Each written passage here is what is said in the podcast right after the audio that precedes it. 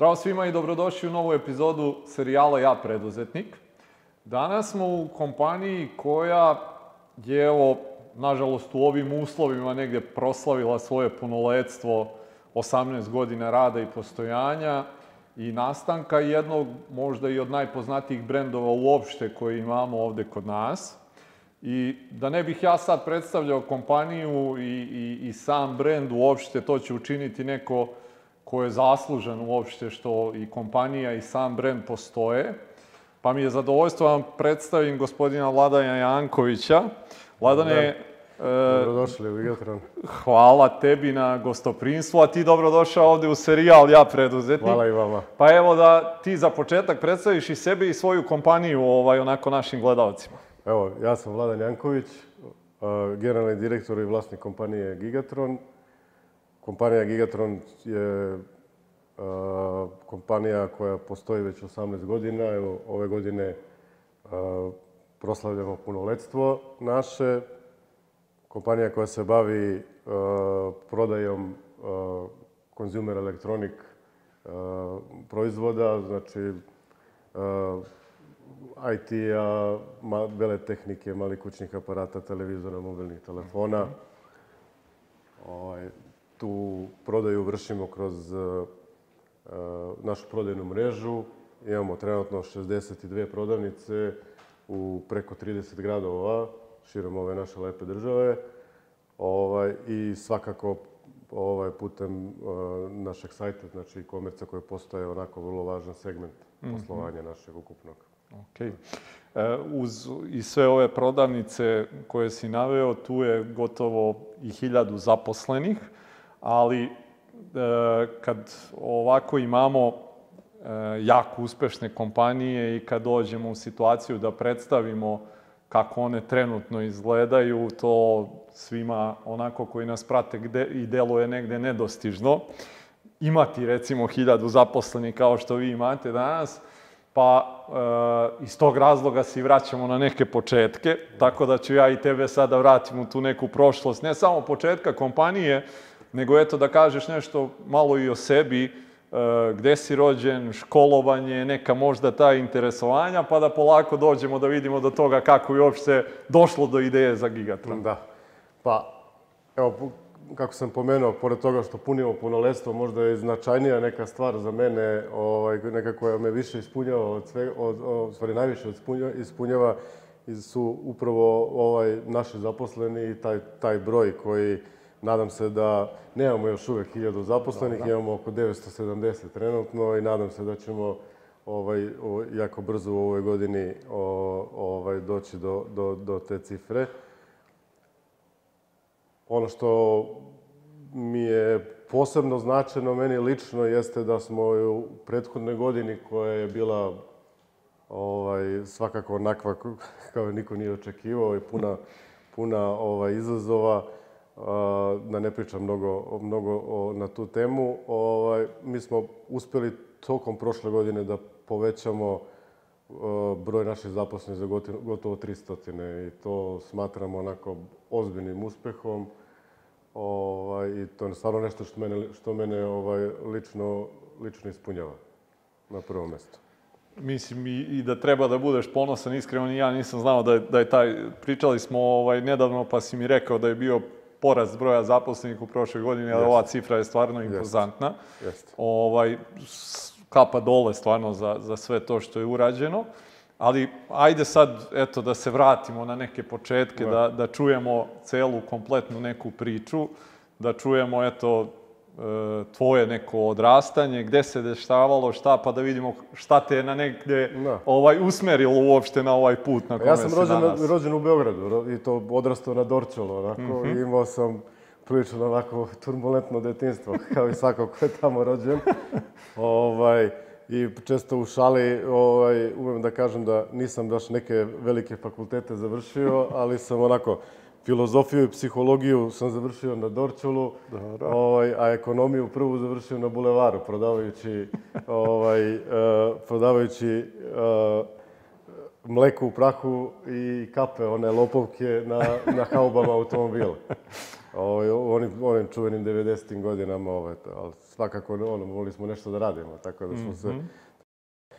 Ovaj, uh, završio sam uh, E, višu poslovnu školu u Beogradu i u tom trenutku jednostavno me odvukao posao na, na, na, na neke druge stvari, tako da nisam dalje, dalje ovaj, nastavljao što se tiče samog školovanja, ali ovaj, svakako sam mnogo toga naučio kroz ovaj posao. Koliko si imao godina kad si to prodavao na, na haubi? Pa u stvari moj prvi posao, uh, moj prvi posao je bio uh, Ako se sećate onih uh, one, oni aparati za kokice sa oblikom zeca. Dobro, e, kako e, ne. Znači, moj prvi posao je bio to. Znači, ja prodavao sam kokice na Krez Mihajlovoj. Ovaj, ovaj, I to je onako bilo vrlo, vrlo, vrlo zanimljivo iskustvo. Sećam se, bila neka zima, užasno hladna, da se nikad u životu nisam tako smrzao kao, kao, kao tada.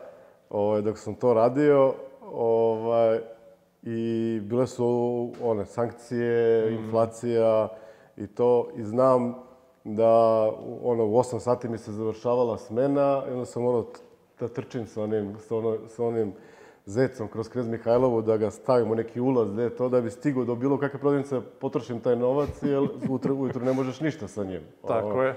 Ovi da. mlađi ne pamte to, ovi stari se da, sećaju da, tih vremena. Da.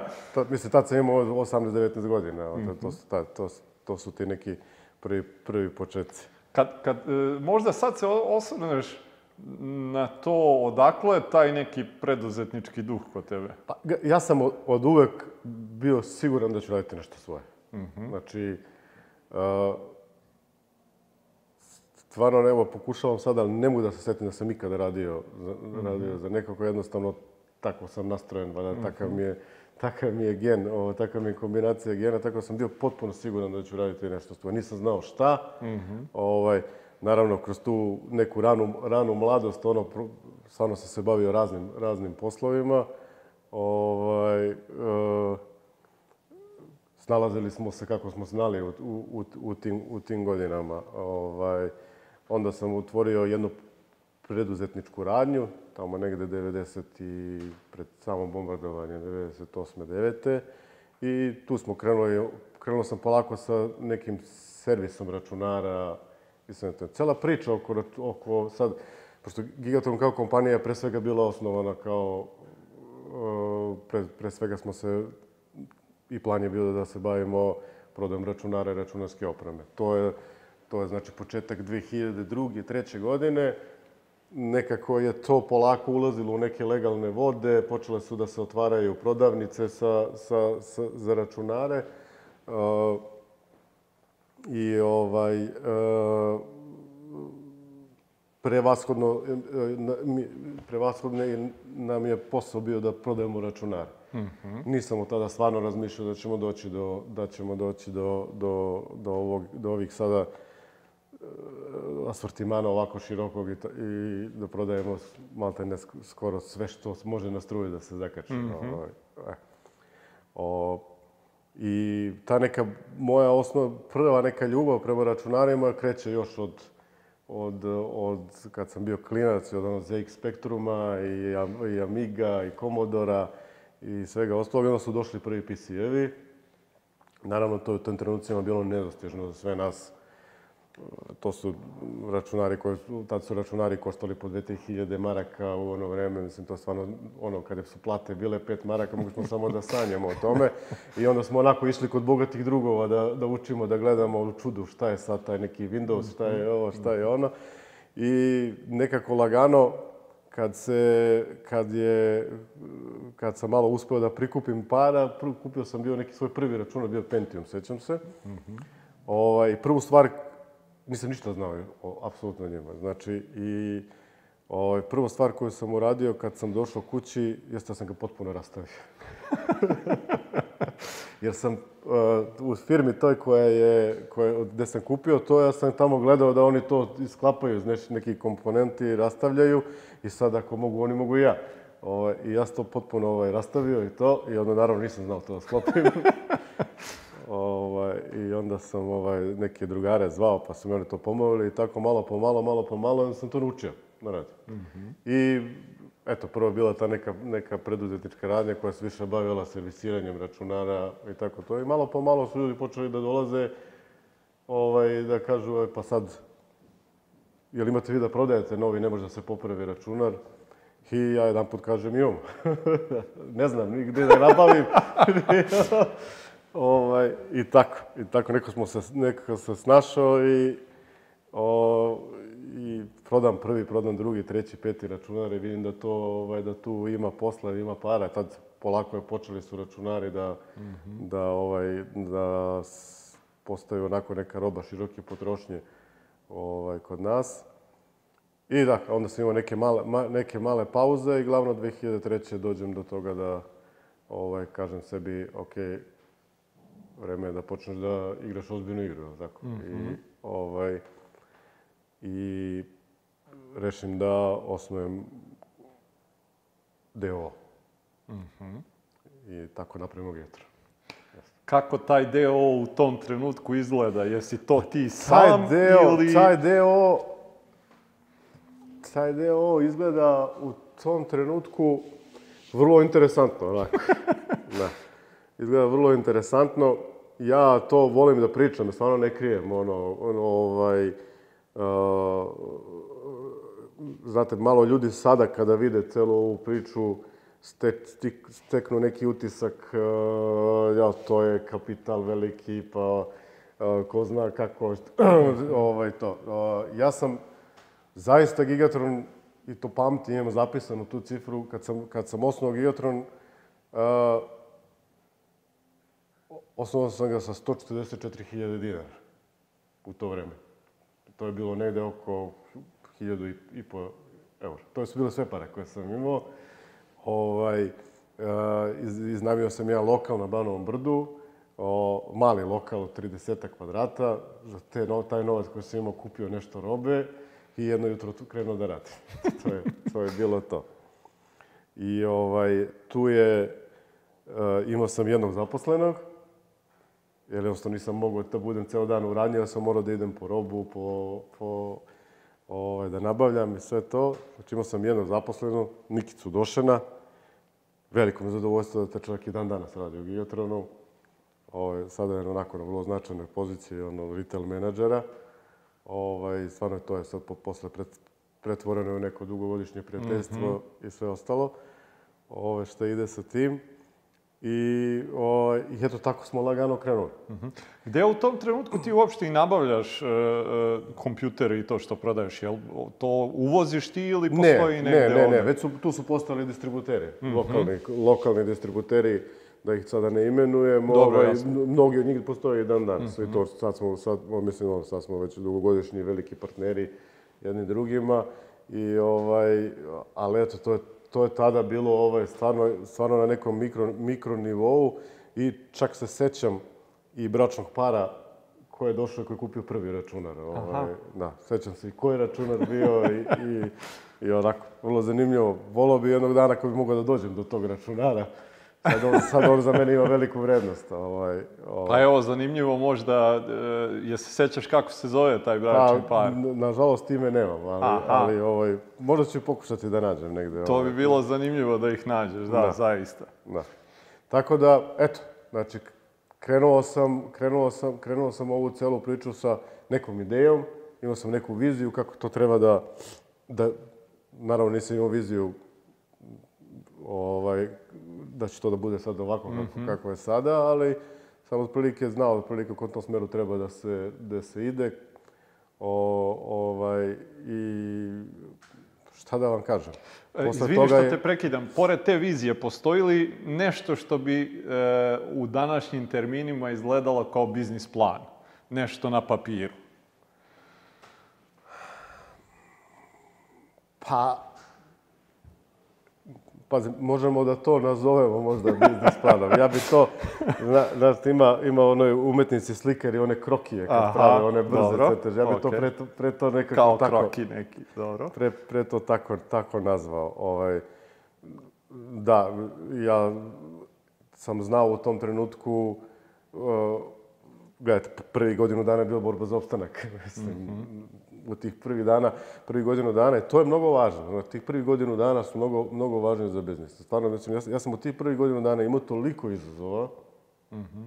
možda posle Uh, bilo je posle dosta težih i napornih stvari koje su se dešavale i izazova i, i nekih situacija, ali tih prvi godinu dana je stvarno bilo, znate, kad, kad ti nemaš kapital sa kojima radiš, uh, stičeš tek polako neko svoje poverenje kod partnera, kod svojih dobavljača, gde nabavljaš robu, tek praviš, gradiš neki brend, kupci nemaju pojma, morate mhm. razumete u tom trenutku. Znači, mi kada smo, ja kad sam otvorio Geotron, u tom trenutku, jedino sredstvo oglašavanja, marketinga, znači nije bilo ni društvenih mreža, nije bilo ni internet je bio vrlo mm. problematičan. Mislim da je tad još uvek bilo sve radilo na modeme, ne da se, ali mislim da je mislim on, da ISD, ISDN je bio ono, ono neki maksimum. Ovaj, e, to ćemo se posle vratiti, inače već u, posle šest meseci, u to vreme, posle šest meseci, insistirao sam na tome i prvi sajt smo lansirali tad. Aha. E. O, možemo se posle vratiti na to Mhm. ovaj, e, I u, u, u to vreme, je bilo vrlo izazovno, eh, eh, da se vratim na marketingu smo pričali, mm -hmm. da. Eh, jedino sredstvo marketinga su bili haloglasi. Mm -hmm. Absolutno haloglasi, ništa više. Znači, i sad gledaj, koji su bili kad užasno skupi. Ne znam da sam smjela da pomenem, ali ono što je leda, nema već. ne, ne, sve je okej, okay, naravno. Bili su užasno skupi za, za, za, za, za nas, male. Ovaj, i mi smo tu počeli stidljivo nešto da se pojavljuje, što ono, nekom osminom strane, pa polako četvrtinom i to. A, a, ono, ono što, je, što je bitno jeste da oni haloglasi skoku jesu imali otprilike stotinak strana. Mm -hmm. Od tih mhm. stotinak strana bilo je jedno 30 strana nekretnina, 20-30 strana automobila i 30 strana računara. Mm -hmm. Sad zamislite u toj šumi preko, bilo je samo u Beogradu preko 300 firmi koje su se bavile uh. prodajom računara. I sad ti neki nov pojavljuješ tu. Mm -hmm. I ovaj, stvarno bilo izazovno ono, i, i, borba, i borba velika. Borba velika. I ovaj, eto, kad kažem, ti godinu dana se stvarno sećamo onako, par puta smo bili stvarno na kolenima. Na Sad sam htio da te pitam, je li došla možda u jednom trenutku situacija da kažeš sebi šta će meni ovo sve u ne. životu? Ne čak ni dan danas. Mm -hmm. I pos, pored puno ovaj, nekih sada već ovaj, izazovnijih situacija, Jasno. čak ni dan, ne, nije ni dan danas. Mislim da je mnogo bitno za svakog pojedinca da ako nešto, kad odluči nešto i kada se drži, da se striktno drži tog cilja. I to je često i danas.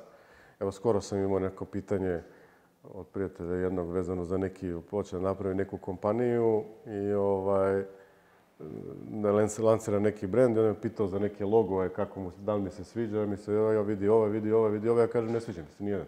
Mm -hmm. Kako mi se ti se ne sviđa, razumem? Ja kažem, gledaj, pa ne, ali meni se žuri, ja kažem, slušaj, ako kreneš sada da praviš kompromis na početku, mm -hmm. i ako, pust, ako odustaješ od onog što si zacrtao i kvaliteta koji, koji hoćeš da postojiš, bolje bratali odmah posao, nemoj da gubiš vreme. Mm -hmm. I to mhm. je stvarno ono savjet neki koji mogu da dam svakome. Znači da, mm -hmm. a, morate da budete nepokolebljivi, ništa nije lako u životu. Mm -hmm. ovaj, ko, ko zna kakve sve izazove još mene čekaju, mm -hmm. ali jednostavno nisam, nisam pristao na, na kompromis. Mm -hmm. I uvek sam insistirao na kvalitetu, uvek sam insistirao na tome na, kažemo, od toga, od toga od pa do, do, nek, do apsolutnih, mene, inače, ono, ja se bavim, inače me znaju da svaku sitnicu, ono, ovaj, i dan danas, ono, zaposleni mnogi ne mogu da, da, da pokapiraju kako, se, kako uspijem da se svakom sitnicom bavim, ali ne na tom nivou mikromanagementa mm -hmm. i mhm. to, nego ja jednostavno naletim na to. Znaš. Ja ono, nešto gledam ja na sajtu i onda pitam šta vam je ovo, kako ovako stoji, on kaže, brate, kako si mogao to da vidiš, mi gledamo tri dana, nas petoro gledamo i ne vidimo to. A meni, Ovo, ovaj, e, a to a izvini sad, kad si već spomenuo sajt, odakle uopšte tebi, e, mislim, za ove mlađe koji gledaju sajt da. je sad sasvim negde normalna stvar. Jest. U to vreme, početka 2000-ih, to je bilo totalno onako nešto neobičajeno. Jest. Odakle tebi ta slika toga da, da treba da imaš sajt? A, to se jednostavno desilo. Ja sam malo i putovao, mhm. ja sam malo skupljao informacije, pratio već u to vreme polako, počeo da se pojavljuje Amazon, mm tamo već negde 2005. 6. I ja sam pratio što Amazon radi, to, to je tada bilo stvarno ono fascinantno, jedna revolucija. Mm ovaj, I nekako sam imao od samog starta jasnu sliku kako će posao da izgleda u budućnosti. Mm. I da uh, će opstati u budućnosti samo kompanije, pogotovo kompanije koje su u prodaji i koje se bave, bave prodajem, da će opstati samo kompanije koje uspeju da pronađu neku idealnu sinergiju između ovog klasičnog retaila, znači ovih živih prodavnica, mm -hmm. fizičkih prodavnica i online.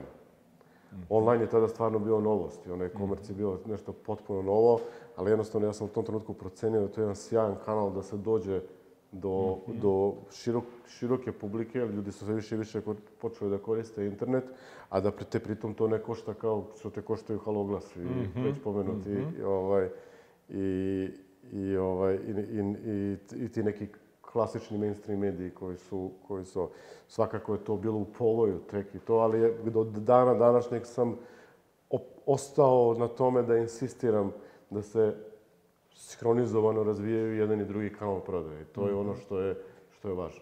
Mhm. Mislim da, da u nekoj budućnosti, kako možete, da, možete da pratite sada i ove velike kuće svetske, mhm.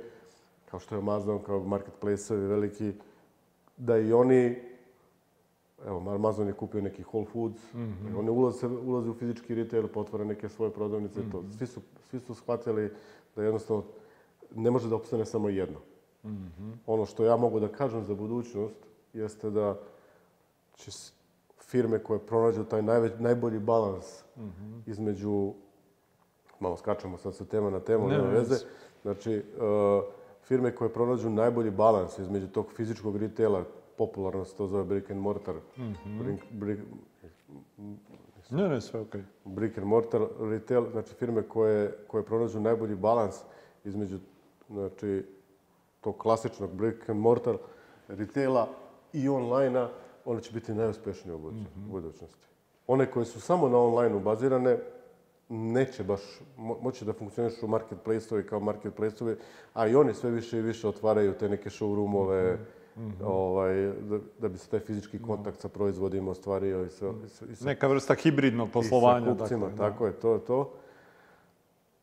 A što se tiče firmi koje još uvek nisu pokrenule svoje e-commerce ovaj, poslovanje, o, mislim da nisu ni svesne već, mm -hmm. da mhm. možda već i ne postoje. Mm -hmm. Možda e, previše grubo. Ali... Ne, ne, mislim da si tu apsolutno u pravu.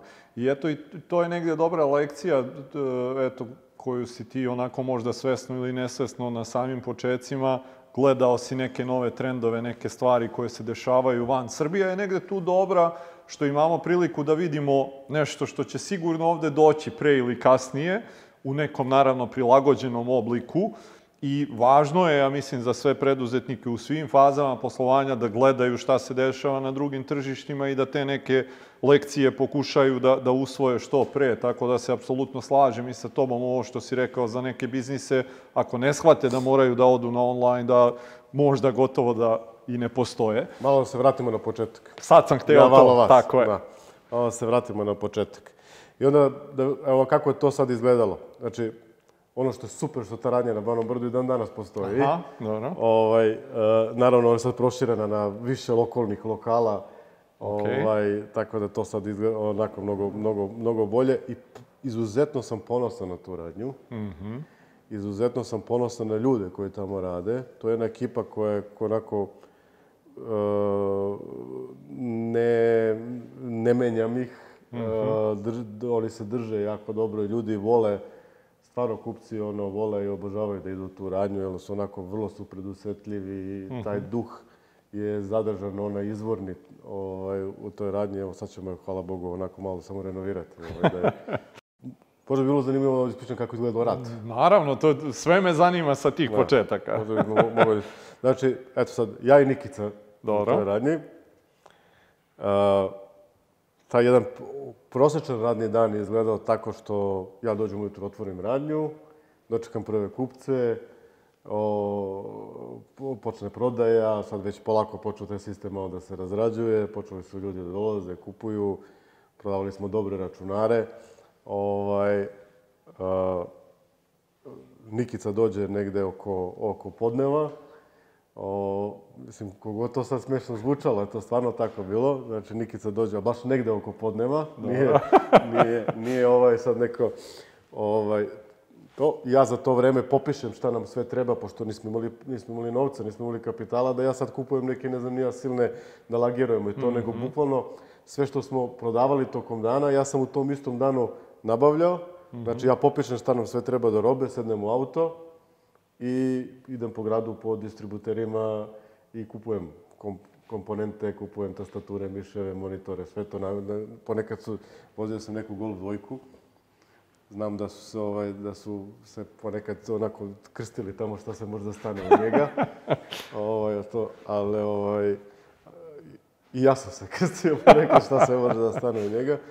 Ovaj, I onda ja kad obiđem ceo, ceo grad uh, pokupim svu tu robu, negde oko 4-5 se vratim u radnju.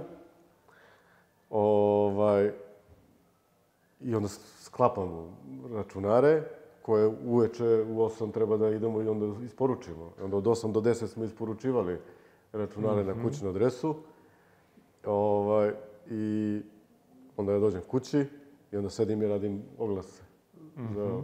I tako do 2-3 noću cenovnike, podižite tamo, tad su bile neke news grupe, ovaj, i tako to.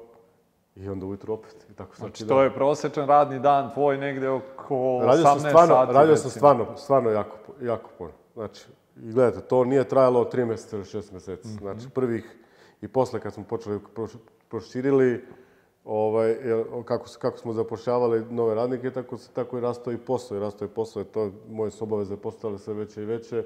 Tako da, gledajte, prvih 6-7 godina sam sigurno radio po 16-17, 18 sati dnevno. Mm -hmm. ovaj, to mnogo, zna, mnogo bolje zna moja porodica. Mm -hmm. ovaj, nego... To je negde isto onako e, važno, zato i kažem da je važno da se čuje e, ti početci, jer to se sad ne vidi kad se pogleda Gigatron. Da. Zato su i važne, kažem, te neke početne lekcije i stvari kako ste manje više svi koji su napravili ozbiljne biznise radili. I sad, spomenuo si malo pre to da, da je ta prva godina uvek ono da preživiš, pa to onda u nekim trenucima krenu ti plodovi. Šta je bilo možda, jel postoji nešto što je možda onako kao odskočna daska ima jedna, bilo ima ili... Jedna, ima se, braći, se to ima jedna anegdota, bukvalno. Znači, Aha. to je posebno par meseci, evo to, to Nikica može da potvrdi to, ja u jednom trenutku dolazim i donosim kutiju sa 10 matičnih ploča, matične ploče za računare, to je samo jedna komponenta. Pamtim to sve. kaže, I sad Nikica kaže, šta ti je to? Ja kažem, gledaj, bila je super cena, uzeo sam ovih 10 ploča, gledaj, ako ovo ne prodamo, gotovi smo. A to je stvarno tako bilo. Znači, sva sreće prodali smo. tako da je ovaj... Eto, bilo je interesantno. E, e, reci mi, šta je možda neki trenutak, ako uopšte postoji kao da je neki trenutak, kad e, postoji neki rast, kad se pojavljuje potreba da se još neko zaposli? Ima, ima tu više, više, više nekih e, stavki, mm -hmm. to je više koraka kada, mm -hmm. kada, kada je to. Jedan, e, prvi trenutak je kad više stvarno više ne možeš fizički da postigneš. Mm -hmm. Znači, ti, opet kažem, polaziš, polazite od toga, ja nisam ja i otvoreno pričam o tome i toga s tim se ponosim, ne stidim se toga. Nisam krenuo sa ne znam kakvim parama u ovaj biznis, pa da sam to mogu sve lako da postavim i sa znanjem mm -hmm. i iskustvom i da to sve bude kako treba. Nego smo bukvalno gradili, ali bukvalno gradili biznis od nula. Uh, imao sam sreće da od starta oko sebe okupim stvarno sjajne ljude, velika većina je ovaj, i dalje, i dalje o, u, u firmi sa nama.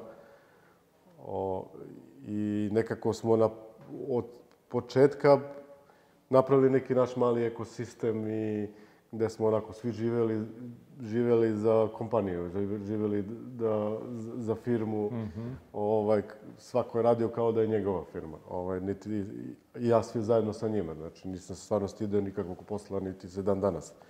Ovaj, I dan danas umeju da me nađu u magazinu. Ovaj, ne. Ovaj, a, I sad, ti neki, u, u tim nekim prvim, prvim koracima stvarno ne znaš ništa. Mm -hmm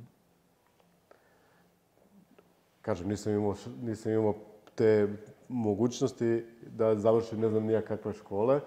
Ima mnogo, mnogo stvari koje ne možeš da naučiš, ovaj, baš u školi i na fakultetu. Ovaj, tako da, eto, mi, mi smo se učili, učili, učili usput i sad ja sada pričam o tome, sad ja sam planirao pa sam znao tačno u ovom trenutku mm -hmm. treba zaposlim ovo, treba sam, nisam imao pojma.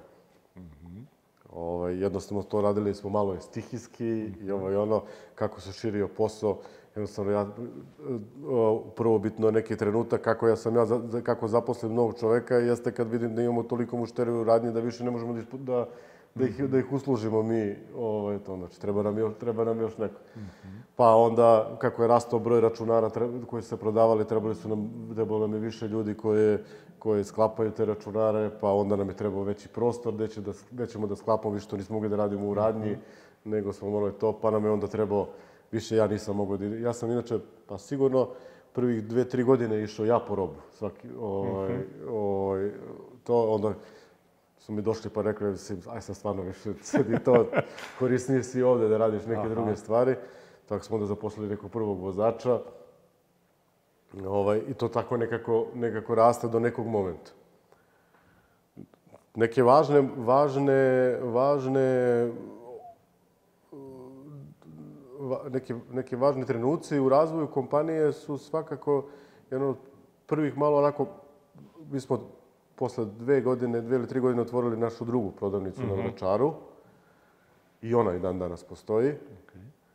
Ovaj, pa zatim treću na Bulevaru I onda je došla jedna užasno krupna stvar za nas. Tu sad već pričamo o 2008. 9. godini, onda je došla ta krupna stvar za nas, a to je tržni centar Ušći. To je nešto prvi put da uh, sad, sad otvaramo prvo bio je užasno velik problem ući tamo, ovo što niste da čuje za domaće brendove, za, mm -hmm. za um, ovaj, i, o, i onda smo smislili da ih pridobimo konceptom. Taj, to je trenutak kada se u Srbiji dešava eksplozija, bum, prodaje laptopova i to. I mi smo tu onda kao, nećemo pravimo tu Gigatron, već ćemo da zovemo nešto Gigatron, nešto se zove Gigatron Notebook Arena, kao da to samo, tu bude najveća prodavnica mobil, ovih laptopova u mhm. ovoj Srbiji. To se onda njima svidao taj koncept koji smo mi napravili i pustili nas, puste, puste nas da otvorimo. I to u stvari bilo onako prvi neki susret naš sa nekim ozbiljnim radom po pitanju kako se lokal pravi, kako to, mm -hmm. pa, mhm. pa sad moraš tamo neke majstore, pa mora da imaju ti majstore licence, pa arhitekte, mm -hmm. pa, ovo, pa sve to, pa onda ima neka pravila i tako to, znaš, to ništa nismo, nismo znali.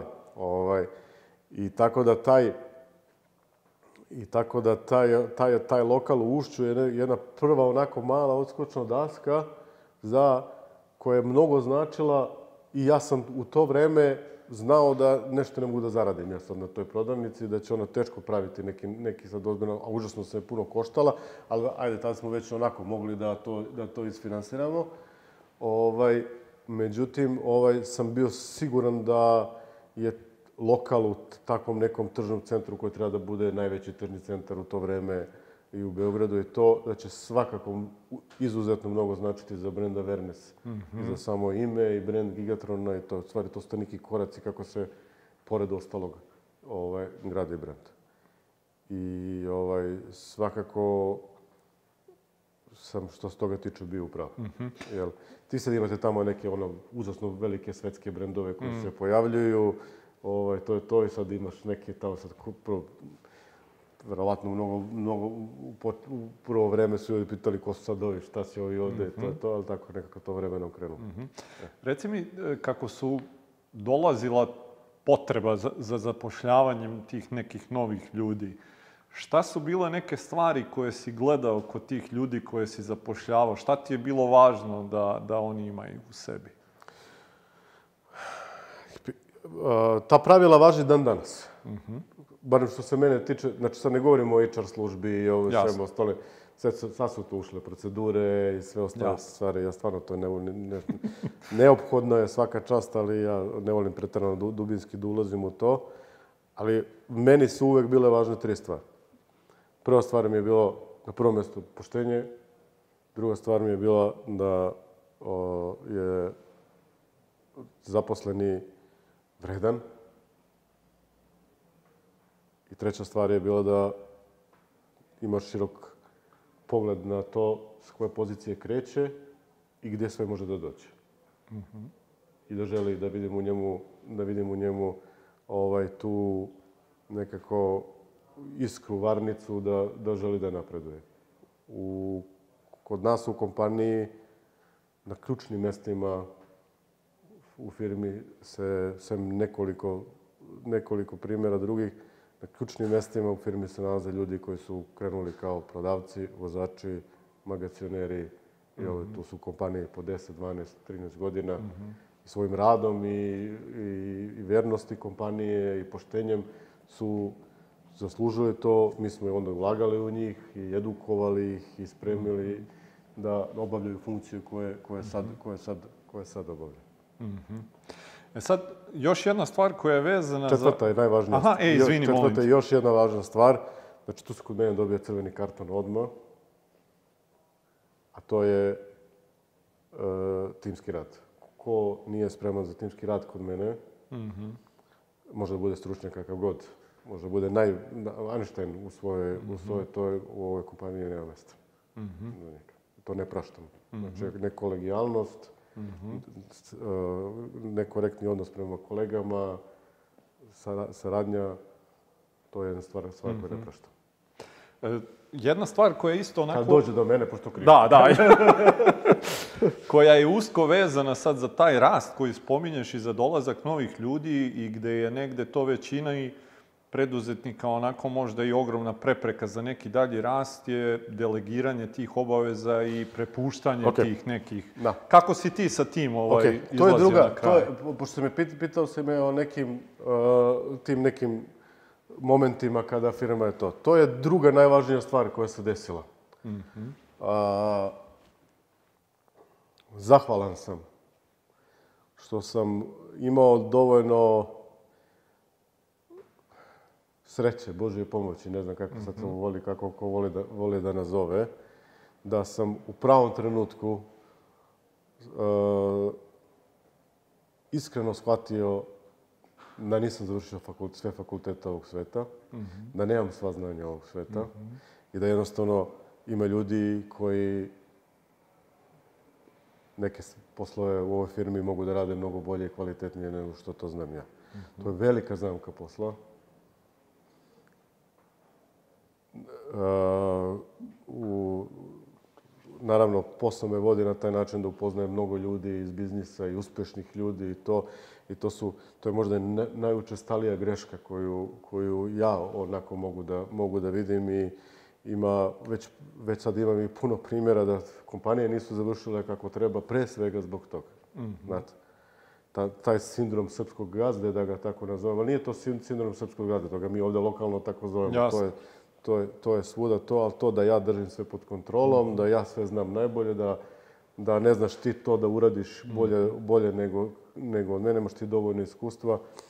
A, to je ogromna zamka biznisa. Znači, a, a, ja, ja se čak usuđujem da kažem da je taj trenutak u stvari bio glavna odskušna daska gde smo počeli mi da se razlikujemo pa i od konkurencije naše mm -hmm. na tržištu, a i, sa, i kao kompanija, kao kompanija. Znači, ja sam u jednom trenutku shvatio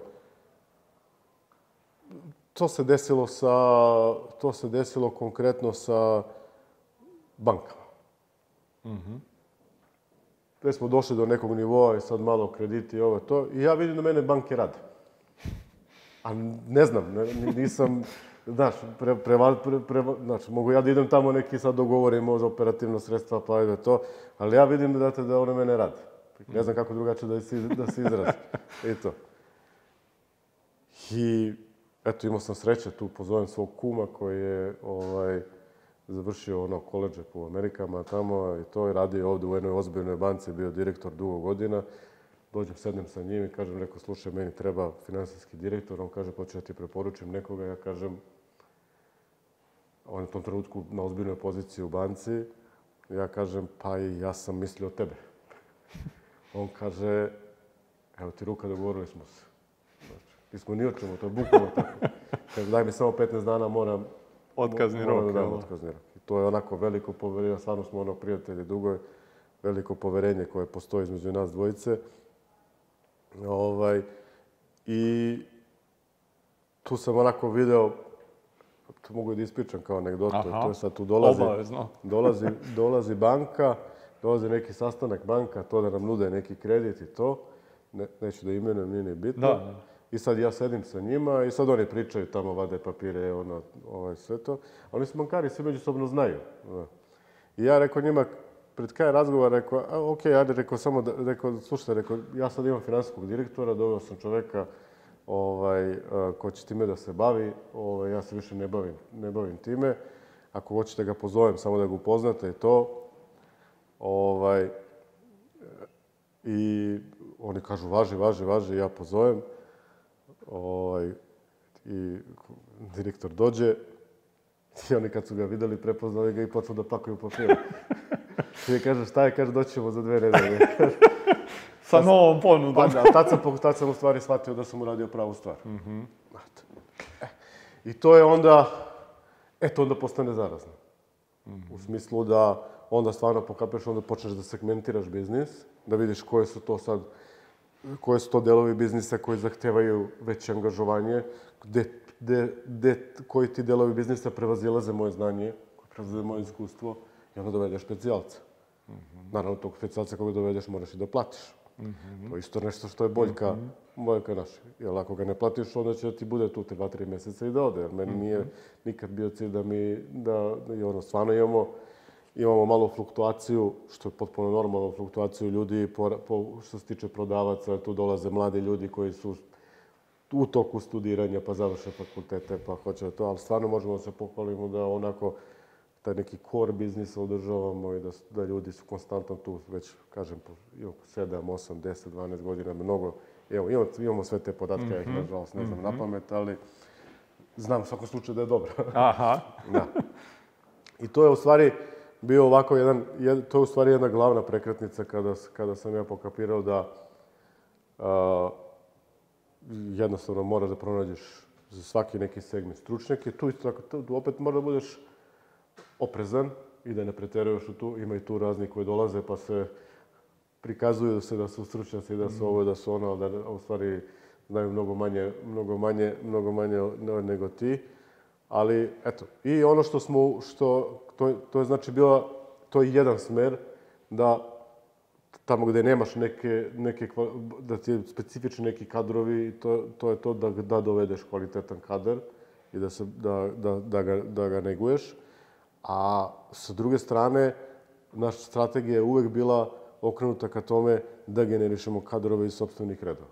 Mm -hmm.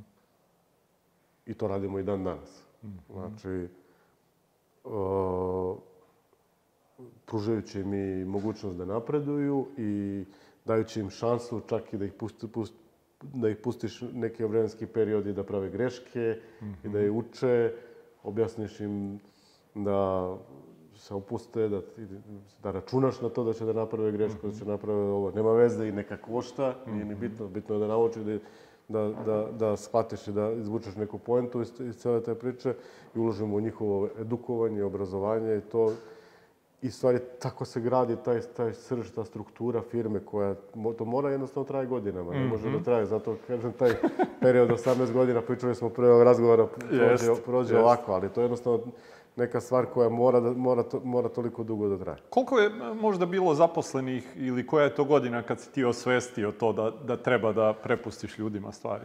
Pa, nije baš to bilo tako prosto i jednostavno. Mm -hmm. ovaj, ma, ma, nateralo mene i neka druga stvar. Mi smo, to, to u stvari 2010. godina, gde sam ja onako hrabro ušao u jedan projekat. A, mi smo tada kao firma kupili, a, eh, kao i dalje mala firma, imali smo možda Tada pa smo imali sedam radnji, Gigatron imao sedam radnji, otvorili smo imao centar bili. Ovaj, I ja tad preko noći odlučim i kupim uh, distributer koji je imao svoj maloprodajni lanac koji se zvali mm -hmm. E, I mi ih uzmemo i kupimo od njih. Mm -hmm. Ni sam ne znam kako. I šta ću da radim posle. E. To je inače bio jedan od težih trenutaka u, u karijeri moje poslovnoj, ovaj, a, e, meni zaista užasno teško pada, zato hvala Bogu, hvala onome što je smislio HR službu, užasno teško pada da dajem otkaze i to. Mi u, tom, mi u tom trenutku uzimamo, preuzimamo kompaniju koja je skoro duplo veća od nas. I tu je bila neka ideja da mi to paralelno držimo dva, lan, dva lanca, da jedan, jedan Gigatron bude pre svega, ovaj, i dalje Gigatron pre svega bio IT lanac, je već bio šurovao malo sa televizorima, sa ovim, sa onim i neka ideja je bila da pokrijemo ovaj, bilo je tu sad, nek, da ne ulazim sada, da ono, konkurencija se brzo širila, jednostavno morali smo i to je strateški potez bio, bio, ovaj, bio više. Međutim, kad je došlo do tog spajanja i tog poveć, naglo povećanja broja ljudi, u tom trenutku to i dalje, tad pričamo 150 ljudi, sve mm. ukupno, razumete, na, na, na, ovaj, na to.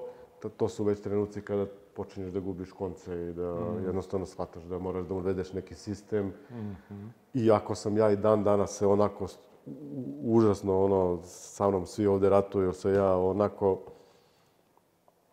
ali ne odustajem od toga, znači borim protiv tog nekog korporativnog onog mm -hmm. uređenja Uh, smatram da je ok, stvarno, super je to, stvarno iz tih nekih korporativnih stvari ima mnogo stvari koje sistemski treba da se, jednostavno stvarno treba da se sistemski sprovedu da bi mogle stvari da funkcionišu kad treba, kad je ovako velika priča sada već, ali to u, jedno, u, u istom trenutku ovaj, eh, ono, potpuno ubija taj kompanijski duh koji, ono, ja ne dozvoljavam da ne da, da se da utihne, nego samo mm -hmm. stalno ga rasplamsava. Mm -hmm. ovaj, I onda, eto, to je neka stalna borba ovde sad sa, sa mnom i sa, i sa ostalima, jer ovi jadni, ovi kukaju sad jer ne mogu strukturno da povežu s te stvari, ali okej, okay, da sad to ide kako, našli smo neki balans. Mm -hmm. ovaj, tako da, tamo gde baš to mora, taj neki korporativni sistem da se uvede, to uvedemo, ali ga opet držimo na neki naš mm -hmm. način.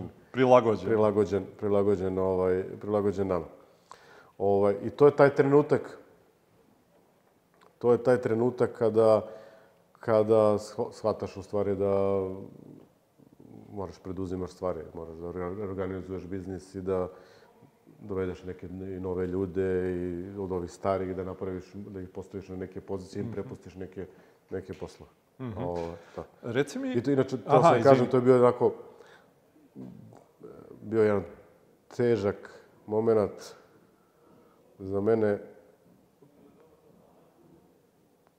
pošto smo pri tom preuzimanju morali jedan određeni broj radnika da otpustimo, mm -hmm. i to sam ja lično radio, ovaj, jednostavno sam preuzeo tu odgovornost to i to mi onako, baš mi je onako teško palo. Mm -hmm. Tad je to baš bio onako emotivni udarac. Mm -hmm. Mislim, jednostavno nije, nije imalo smisla mm -hmm. da bi mhm. to funkcionisalo kako treba. Mm -hmm. Šta su neke stvari koje si ti u tom razvoju, eto tako i kompanije, e, i svom ličnom, šta su neke stvari koje si morao da menjaš kod sebe ili neke nove osobine koje si morao da stikne, stekneš u tom periodu? Zadovoljstvo mi pričinjava kada sretnem neke, vidim svoje prijatelje ovaj, koje dugo znam, ili ljude iz posla i ovo je ono koje mi, kada mi kažu Vlado, nisi se promenio ni za milimetar od ono kakav si bio kad... Mm -hmm. I mislim da je to, u stvari, prava stvar. Znači, mhm. nešto da sam se ja pretarano menjao, nisam. Mm -hmm. Ja lično. Mm -hmm. Ove, ovaj, stvarno, onako, živim jednim normalnim životom i stvarno sam onako posvećen poslu. Evo, sad malo, volim da putujem. Ove, ovaj, kad god mogu da putujem, sad ne mogu. Ove, ovaj, ali evo, sad skoro sam, ovaj, skoro sam nešto računao Evo, u zadnjih, zadnjih godinu dana sam 350 dana bio na poslu. Svaki dan. Mm -hmm. Nijedan dan. I mislim da je to, ovaj, da, da onako, ako čovjek živi za kompaniju i sa, sa svojim ljudima, ovaj, mislim da, da je to nužno, da mora da budeš prisutan. Tu. Mm Često ljudi malo umeju da odlutaju. Mm ovaj, tako da, eto, taj je neki deo. Inače, a mi smo sad u mojoj kancelariji ovde, i to kod mene važi jedno pravilo, to da su moja kancelarijska vrata uvek otvorena mm -hmm. za sve. Mm -hmm. Ono, fizički otvorena i uvek mm -hmm. otvorena za sve. Tako da svako može ovaj, iz firme da dođe bez najave, kad sam tu, mm -hmm. ovaj, da pita za savjet, za ovo, za ono, uvek svakom izađemo u susret maksimalno. Mm -hmm. Ovo, mislim, to ljudi isto cene. Mm -hmm. Ne. Kad e, pogledamo taj period tvog ono razvoja same kompanije, e, to ono mi smo negde i dalje to mlado tržište nema toliko puno iskustava. li ima nekoga u tom trenutku koga ti možeš da pitaš za neki savet oko poslovanja ili tako nešto? Imam jednog svog poslovnog gurua, da ga mhm. tako nazovem, da moj veliki prijatelj, koji mi je onako, ovaj, koji pre svega ima jedno fantastično životno iskustvo i poslovno mhm. iskustvo, i od koga sam onako u nekim tim trenucima dobijao stvarno vrlo korisne savete. To su opšte, opšte stvari. Ako pričamo o, o, o, savetima sada konkretno o ovom poslu, gledajte, nemaš od koga da učiš. Mm -hmm. Učiš sam. Mm -hmm. Učiš na svo, osjećaš na svojoj koži mm -hmm. svaki, svaki uspeh i neuspeh, ovaj, svaku pogrešnu odluku i ovo. Znači, posao je sastavljen, sastavljen iz tog niza uspešnih i neuspešnih odluka i sve, i, gomila nekih izazova, imali smo puno promašaja, imali smo puno nekih kritičnih situacija, imali smo, hvala Bogu, mnogo, mnogo lepih stvari, ovaj, mnogo, lep, mnogo, mnogo lepih iskustava do sada. Ovaj, nadam se da će se, ono, dao Bog sve tako, tako, tako i nastaviti. Sve to pravi neki, pravi neki, to je onako neku tu čorbu koja ti je onako ukusna na kraju. Znači, ima tih nekih začina koji baš pojedinačno i nisu baš ukusni, ali zajedno, zajedno, zajedno to sve bude, ovaj, sve zajedno bude kako treba. Imao sam, kažem, imam sreću da imam jednog čoveka koji e, pre svega životno može da me posavetuje to i ima ogromno iskustvo u biznisu i to.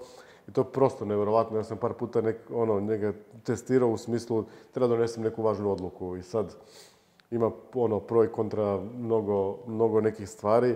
Ja uzmem ali ovo ne karikiram, bukvalno, znači uzmem petak, subota, nedelja, samo o tome razmišljam. Prođem kroz sve moguće varijante, strategije, rešenja, posledice, ovo, ono. Budem potpuno siguran da sam pronašao ovaj rešenje ovaj, idealno koje treba. I onda namerno njega u ponedeljak pozovem. Da mu kažem, me, slušaj, zanima me ovo, da vidiš to, kako bi ti radio? I on mi kaže nešto potpuno kontra koje je bilo mi tu ispred nosa, ali ga nisam. Mislim, e. Ali tu se vraćamo na, ta, na to iskustvo i jednostavno neke stvari možeš da naučiš, ima stvari mm -hmm. koje moraš da osjetiš, pa mm -hmm. da, mhm. bi, da, bi ih, ovaj, da bi ih znao. Kad govoriš o odlukama, uh, kad treba da se donesu, jel veći utica ima analitika ili neka tvoja intuicija? Pa mnogo sam, mnogo sam uh, u životu se puno osla, osla, oslanjam na, na intuiciju. Ja. I u životu i u radu. Uh mhm. -huh.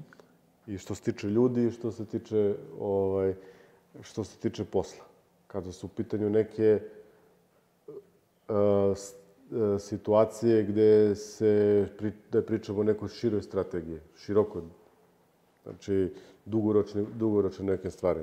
Što se tiče, tiče nekih kratkoročnih stvari, tu se dosta oslanjamo na analitiku svakako, podacima i na tehnologije koje koristimo. Mm -hmm. Znači, to je jedan vrlo važan segment posla. Ovaj, to svakako ne treba, ne treba zapostavljati ni na, ko, ni na koji način.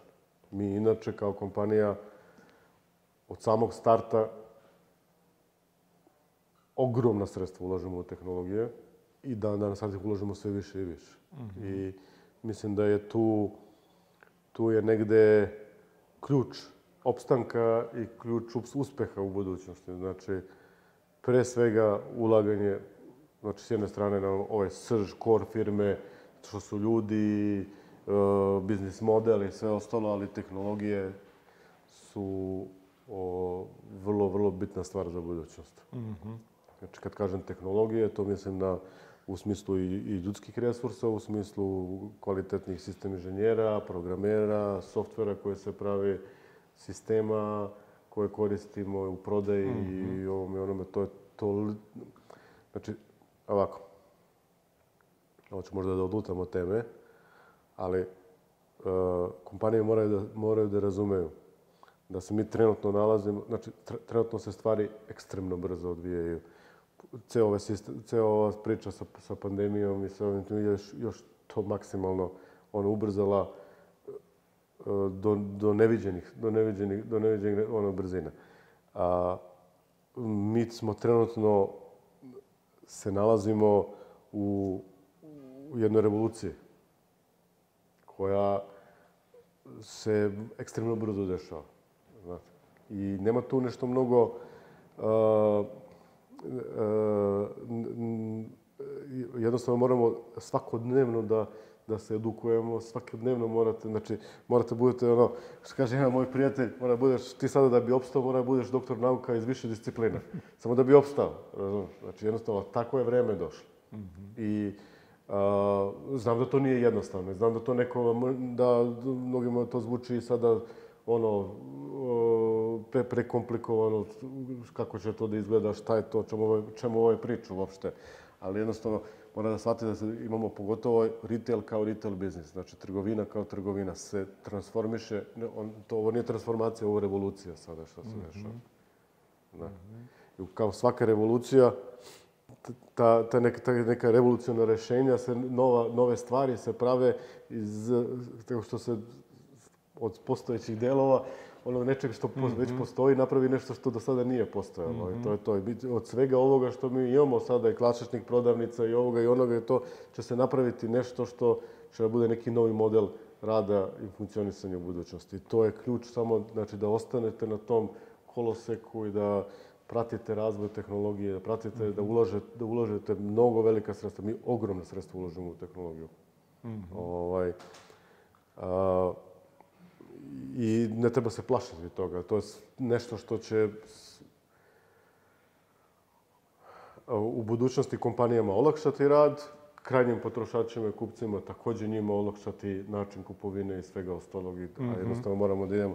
Ne znam sad da sam baš bio dovoljno jasan, nije baš to ni lako, lako, mm -hmm. lako objasniti o, o, o čemu pričam. Uh,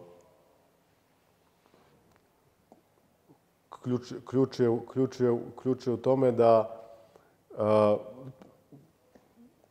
nama su se, mi, ja, mi smo u zadnjih četiri godine otvorili tri, otvorili tri nova odelenja. Mm -hmm. Imamo odelenje za digitalni marketing, mm -hmm. znači ne marketing, nego digitalni marketing. Mm -hmm. Imamo odelenje samo za software inženjeri koji, koji, koji, koji razvijaju naše interne softvere, znači za neka za interna naša praćenja, jer je sada potrebno da tržište zahteva tako da ti imaš uh, u svakoj sekundi recimo uh, realan lager raspoloživost robe, je tako? Znači sad ti dođeš, dođeš na naš sajt, hoćeš da kupiš tu neku veš mašinu, ta veš mhm. mašina ima ima, recimo, eto, potrefilo se da je nema više, nema više nigde, nego imamo u radnju u Subotici, u tom mhm. trenutku je tamo neki kupac, hoće da kupi isto tu mašinu, onaj prodavac mora da zna da li je, da li je, da li si ti već kliknuo, mm ili, ili nisi kliknuo, on taj prodavac mhm. fizički mora da zna, to je ta sinergija o pričamo. Mm to. Mhm. E, a da bi se postigla taj kvalitet toga i te brzine, svega toga, to, to je to ulaganje u tehnologiju, ovaj, mm -hmm. o, o, gotovo, gotovo, gotovo svak, mhm. svakodnevno. Reci mi, kroz ove godine koje si već u preduzetništvu, je li bilo nekih strahova i ako jeste, kako si izlazio na kraj sa njima?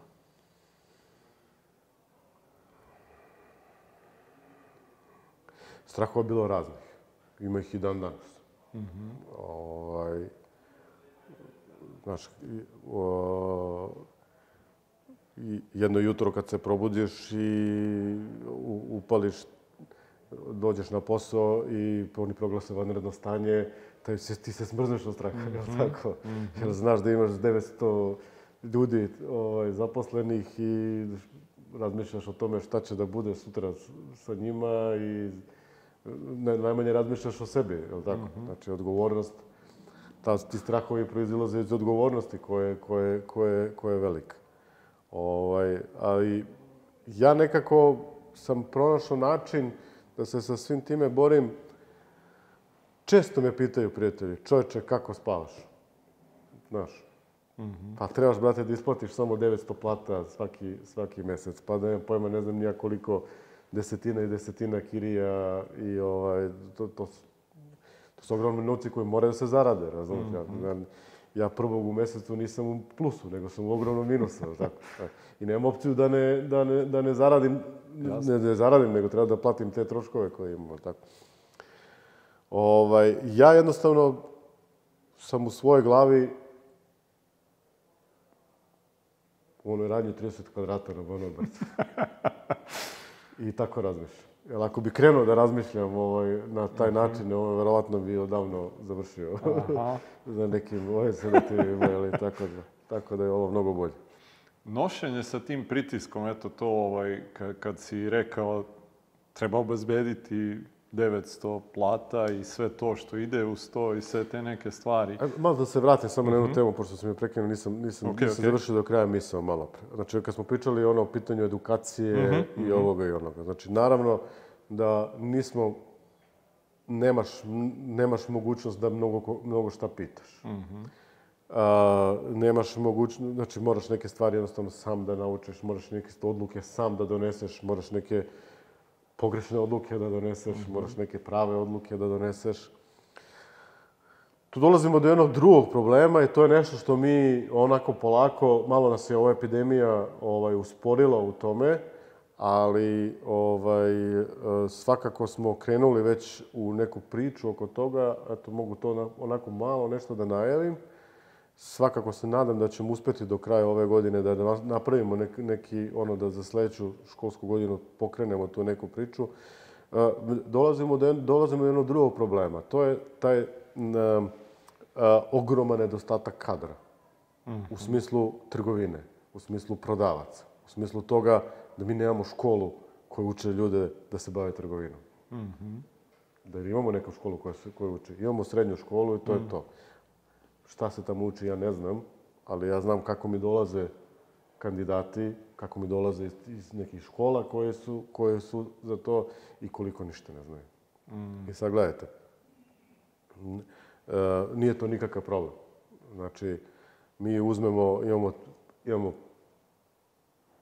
e, prvo imamo naše, naše već imamo naše neke edukacione učbenike za, i za naše prodavce i to koji ih uče nekim osnovnim stvarima i ponašanja i svega ostalog. Imamo ozbiljne treninge koje radimo, imamo i online platforme za treninge, da, da ne ulazim sada u detalje, znači bavimo se svima tome. I nije nikakav, nije, mislim, to nije nešto pretarno opterećujuće, jer ona ko, ko, pokaže, ko pokaže neko pravo ovo, ovaj, interesovanje i volju i to, tamo otprilike treba 6 do 9 meseci da napravimo ovaj, e, korektnog prodavca od nekog ko je, da kažem, bio potpuni ruki. Ono, mm -hmm. ovaj to. Ali bilo bi stvarno lepo kada bi ti već dolazili ljudi koliko toliko ovaj, pripremljeni i spremni, evo tako je to. Mm -hmm. E, tako, iz tog razloga, pošto, evo ja sam tu malo pričao i sa nekim kolegama iz vlasnicima kompanije iz nekih drugih, drugih branša, opet trgovine, Ovaj, I to, i postoji neka ideja da pokrenemo jednu višu školu za trgovce, gde bismo mi onako organizovali, napravili neki plan, zajedno tamo doveli profesore, to, i učestvovali i mi u toj, mm -hmm. u toj edukaciji maksimalno pre, pre, pre, pre, da bi ono, preneli neko naše znanje i da vidimo što više, jel, ajmo ovako da vas, ja ću opet da postavim samo jedno pitanje, koliko ima trgovaca u Srbiji? ne znam koliko ima, 200, 300 hiljada, možda više, ne, koliko ima? Nemam stvarno predstav. A ne, ne postoji škola? Zato. Da. Razumem. Sad zamislite te kadar kada bi ipak do, da ti njega spremiš, da mu preneseš ta neka znanja i iskustva koje imaš, da ga naučiš za, za te neke dve godine više škole, da ga naučiš i neki softver već da koristi, mm -hmm. dolazi spreman da zna da koristi SAP i Navision i ovo i ono, mm -hmm. nebitno je, je li tako? Mm -hmm.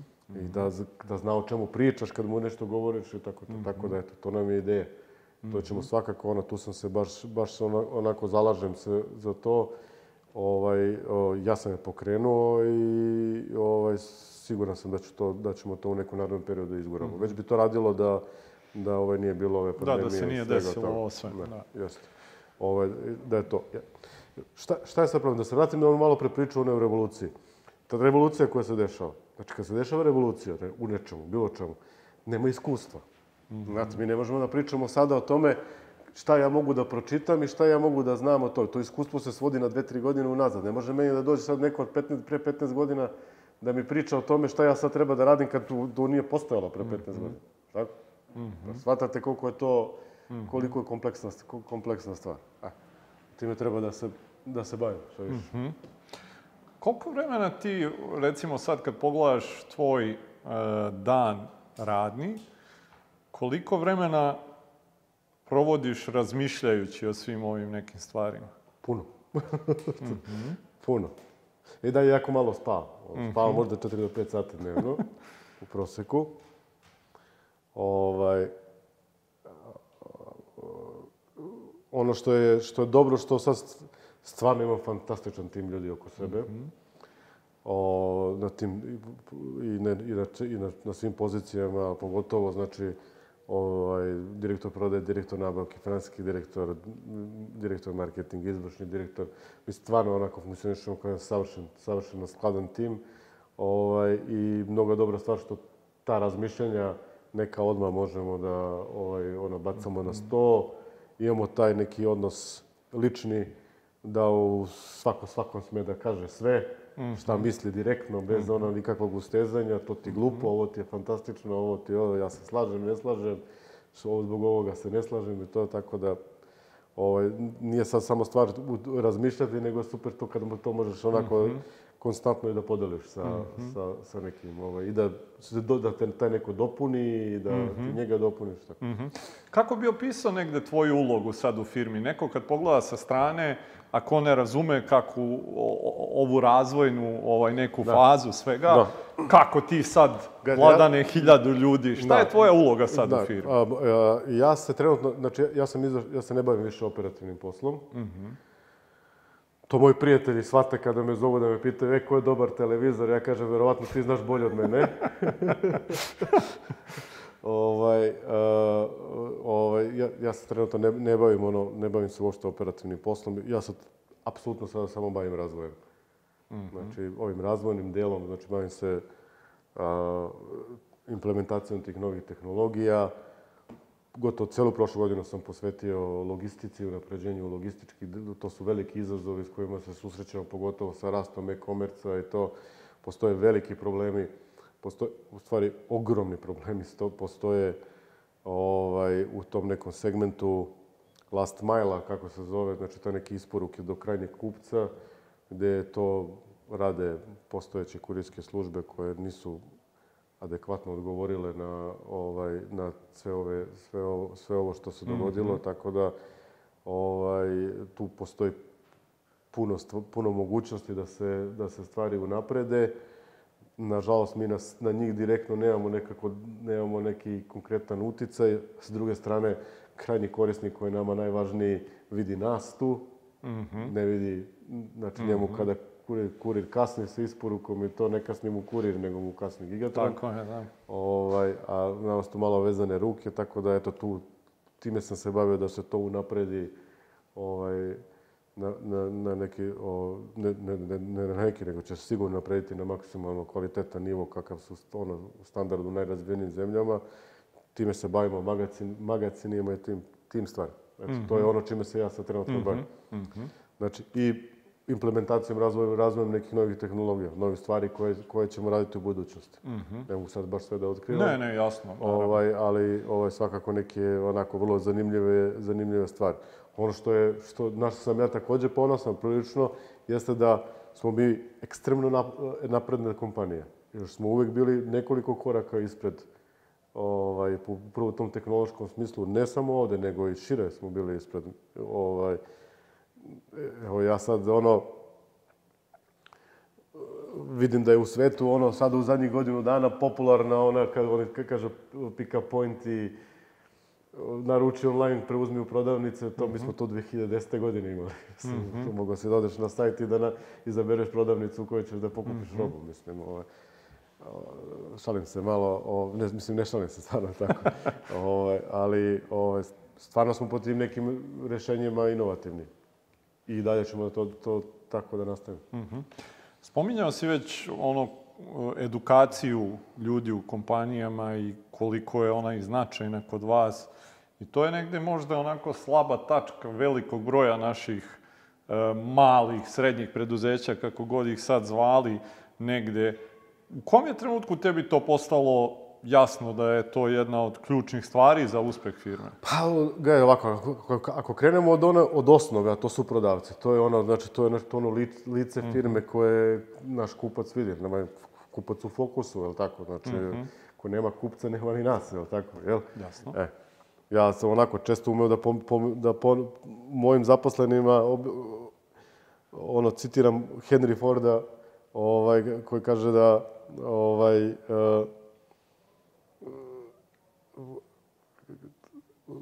morate da shvatite da vam ne trebate da se plašite mene, niti trebate da se plašite, ovo sad malo miks sa Amazonom, da se plašite konkurencije, da trebate samo da se plašite kupca. Mm -hmm. Jer vam niti, niti ja, niti konkurencija vam ne daje, plat, ne daje, mm -hmm. ne daje ovaj pare i ne daje platu. Ja vam samo isplaćujem. Mm -hmm. Konkurencija vam ne da ništa. Mm -hmm. Ona vam uzima, tako ja sam bankomat u ovom slučaju. Kup, kupac je taj koji, koji vama plaća platu. Mhm. Njega treba da da se plašite. U kom smislu? Pozitivno da se plašite.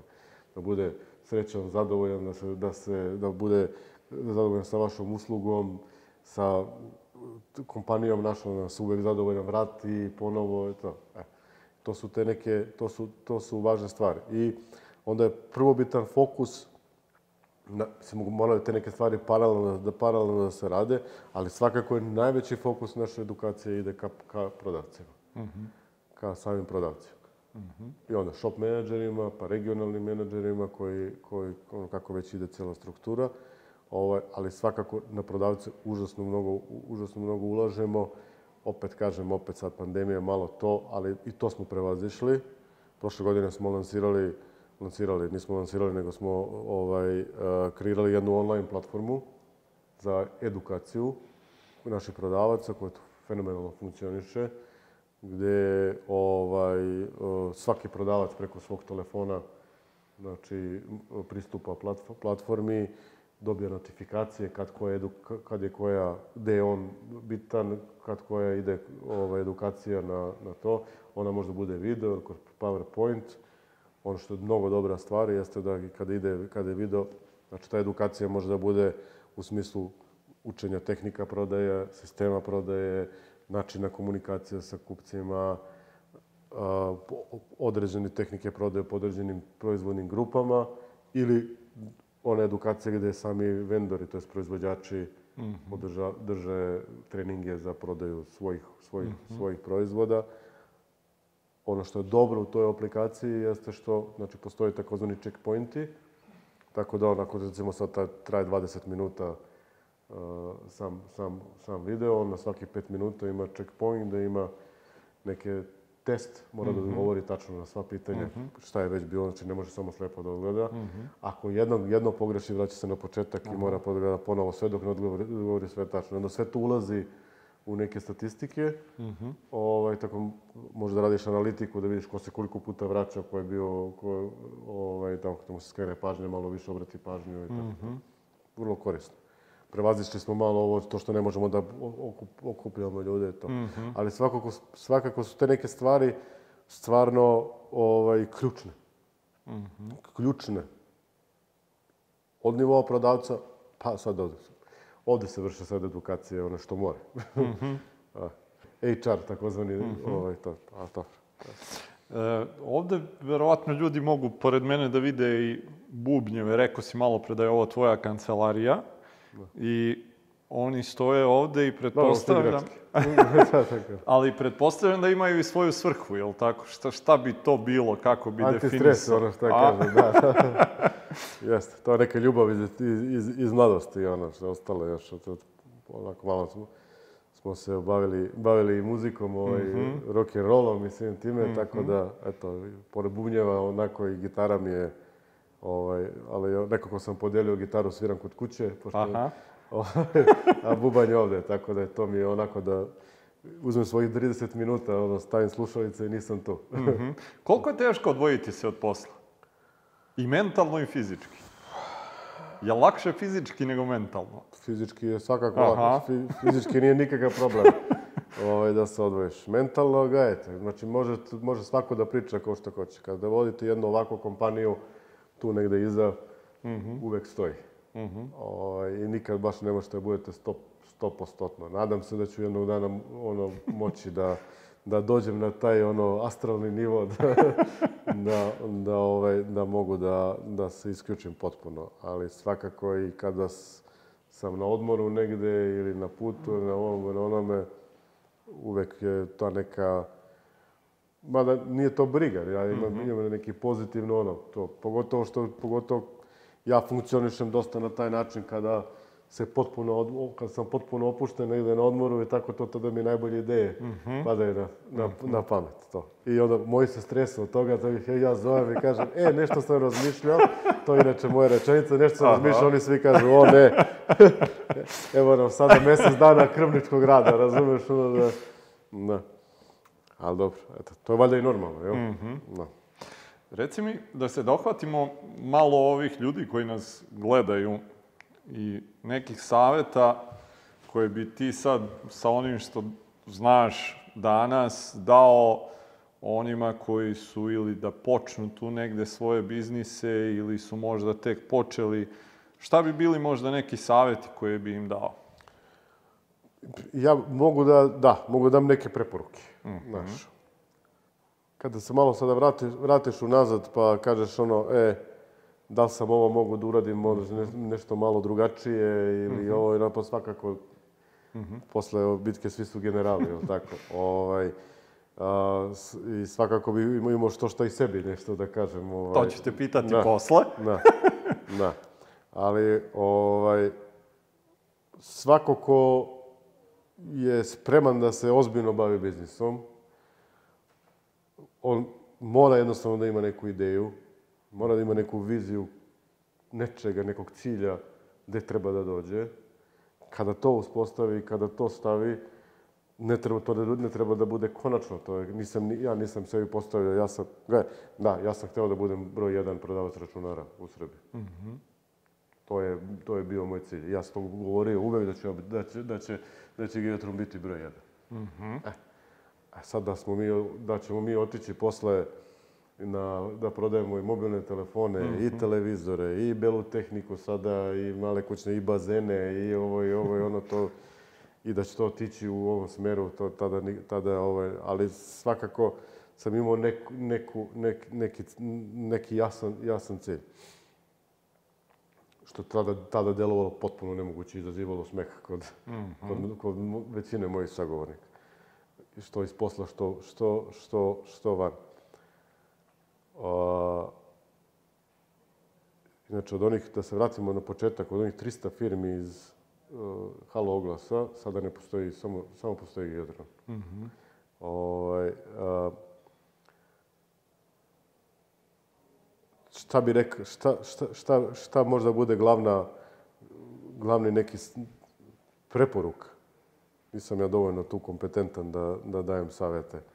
Ovaj, a mogu da dam neke, neke preporuke i predloge.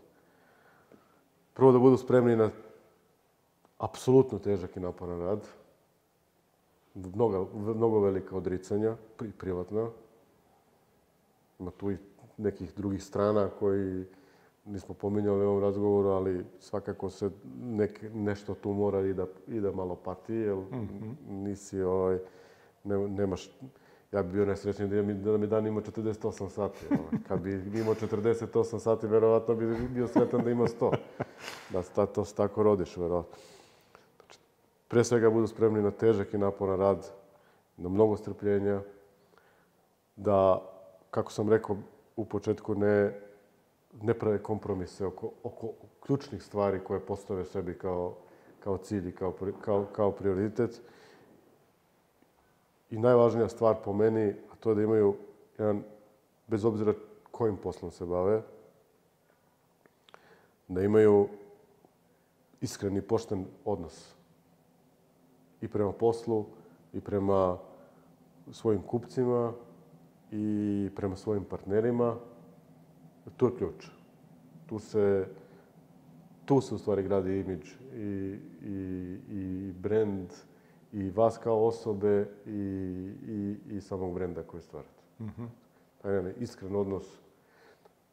Možete u poslu da napravite greške, ali je mnogo važno da li za te greške stoji namera ili, ili, mm -hmm. ili je napravljena greška. Mm -hmm. Tako, svako od nas ima neki propust, napravi, neko bude nešto zadovoljan, nezadovoljan i to je to.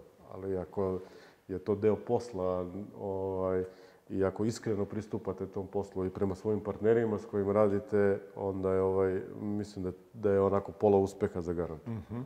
Spominjao si sad, eto, kad si rekao da će Gigatron biti broj jedan ovaj, u prodaji kompjutera, da te većina onako i prijatelja i okoline uh, gledala sa podsmehom i da se znate, kako, ka, znate kakvi su giganti postojali u to vreme? Mm -hmm. Su bili sme, ono, trafika. Mislim da negde većina možda preduzetnika i pređe, prođe taj put i da mnogi možda od njih i ne naprave prvi korak uopšte gledajući negde tu taj problem šta će drugi reći. Koliko teško izboriti se sa tim? Ma mene bilo baš briga. I sad me baš briga. Stvarno. Ali stvarno mhm. imam takav, takav mm -hmm. ono, mhm uopšte me ne zanima šta, jednostavno kažem, ono, ako ti imaš, taj, opet se vratim, ako imaš taj iskren pristup poslu, iskren iskren pristup prema ljudima i partnerima svojim poslovnim, i kupcima, i prema svojim zaposlenima, mm -hmm. i ako si siguran da radiš pravu stvar, mm -hmm. šta mene briga šta priča, mm -hmm. mislim, ono, nek, jednostavno, opet to kažem, ono, dela govore više od reči mm -hmm. uvek, tako da... Mm -hmm. Jedno pitanje koje je onako možda malo isto nezahvalno, nije baš lako sebe procenjivati, ali ako bi mogo da, da sagledaš sebe, da kažeš šta je jedna ili dve ključne možda tvoje osobine koje smatraš da su bile jako važne da Gigatron postane ovo danas što je? Vredan sam užasno. Stvarno sam vredan. Mm -hmm. Posvećen radu, poslu i dan danas. Sa istim nekim žarom kao i, mm -hmm. kao, ovaj, i one kokice kad sam gurao mm -hmm. kroz Mihajlovu. Ovaj, to je možda prva stvar. A druga stvar je ta možda moja, moja neka otvorenost prema ljudima. U smislu, govorim sada interno, interno prema mojim, prema mojim zaposlenima. Znači, gde je stvarno onako na, jedan kvalitetan način razmenjujemo stavove i mišljenje, dozvoljavam da se neke ideje njihove razlikuju od mojih mm -hmm. i da se njihove ideje primene na moje. Mm Dajem im priliku da rizikuju, dajem im priliku da naprave grešku, dajem na, priliku da napravi štetu i sve. Mm -hmm. Jel, to je jedini način da ne nauče. Mm -hmm. I da ja naučim možda zajedno sa njim. I mislim da je taj, ta, ta osobina onako baš za mene, za, u mom slučaju, onako dosta značila Eto, imaju taj transparentan odnos sa, sa, pre svega sa svojim, sa svojim zaposlenima. Mm -hmm. Malo pre si, eto, negde spomenuo da bi ti imao svašta i sam sebi da kažeš i to se negde i poklapa sa pitanjem sa kojim mi završavamo sve naše razgovore. Da imaš priliku sad sa ovim znanjem i svim ovim što si prošao da budeš na kratko mentor tom Vladanu iz 2003. godine, da. šta bi mu rekao? Opet, nažalost, nešto što teško bi da bi me razumeo. ovaj, teško da bi me razumeo, pošto i taj, taj deo se, taj deo je u stvari najizazovniji, najteži i taj deo se uči, stiče kroz iskustvo. A to je upravo taj e, način kako da hendluješ, da upravljaš stresom i kako da ga kanališeš i da mhm. ga, ovaj, meni dugo, trebali su onako malo teže stvari da mi se dogode mhm. ovaj, ozbiljni neki žuti kartoni da bi, ovaj, da bih shvatio kako da taj sav taj pritisak i stres neki i, i nek, ponekad i generisan od ljudi koji, neko, od kojih ne, koji ne zaslužuju ni da obraćam pažnju uopšte na njih, Jednom on sa vremenom sam naučio da ne obraćam pažnju. Mm -hmm. ovaj, kako da taj stres propuštam kroz sebe. On ne može, ne, ti njega ne možeš da ga odbiješ, ne mhm. možeš da ovaj, ne možeš da, ne možeš da se praviš da ga nema, ali ako naučiš da ga propustiš i da prođe kroz, kroz tebe, mm -hmm. ovaj, onda je to, o, to uspeh. Eto, to, Kad bi to mogo sebe da naučim malo ranije, ovaj, da, da baš ovaj nemam, ne, ne nosim one ožiljke koje, koje nosim sada, ovaj, bilo bi mnogo, mnogo, mnogo bolje. Da. Kad bi taj vladan iz tih godina to mogao da razume, jel bi poslušao? A, e, ne. Iskreno, onako. Iskreno. Pa zato kažem, teško da bi me razumeo. Da. da. Okej. Vladan je stvarno hvala ti puno na, na vremenu koje si odvojio hvala za vama. nas, hvala ti na...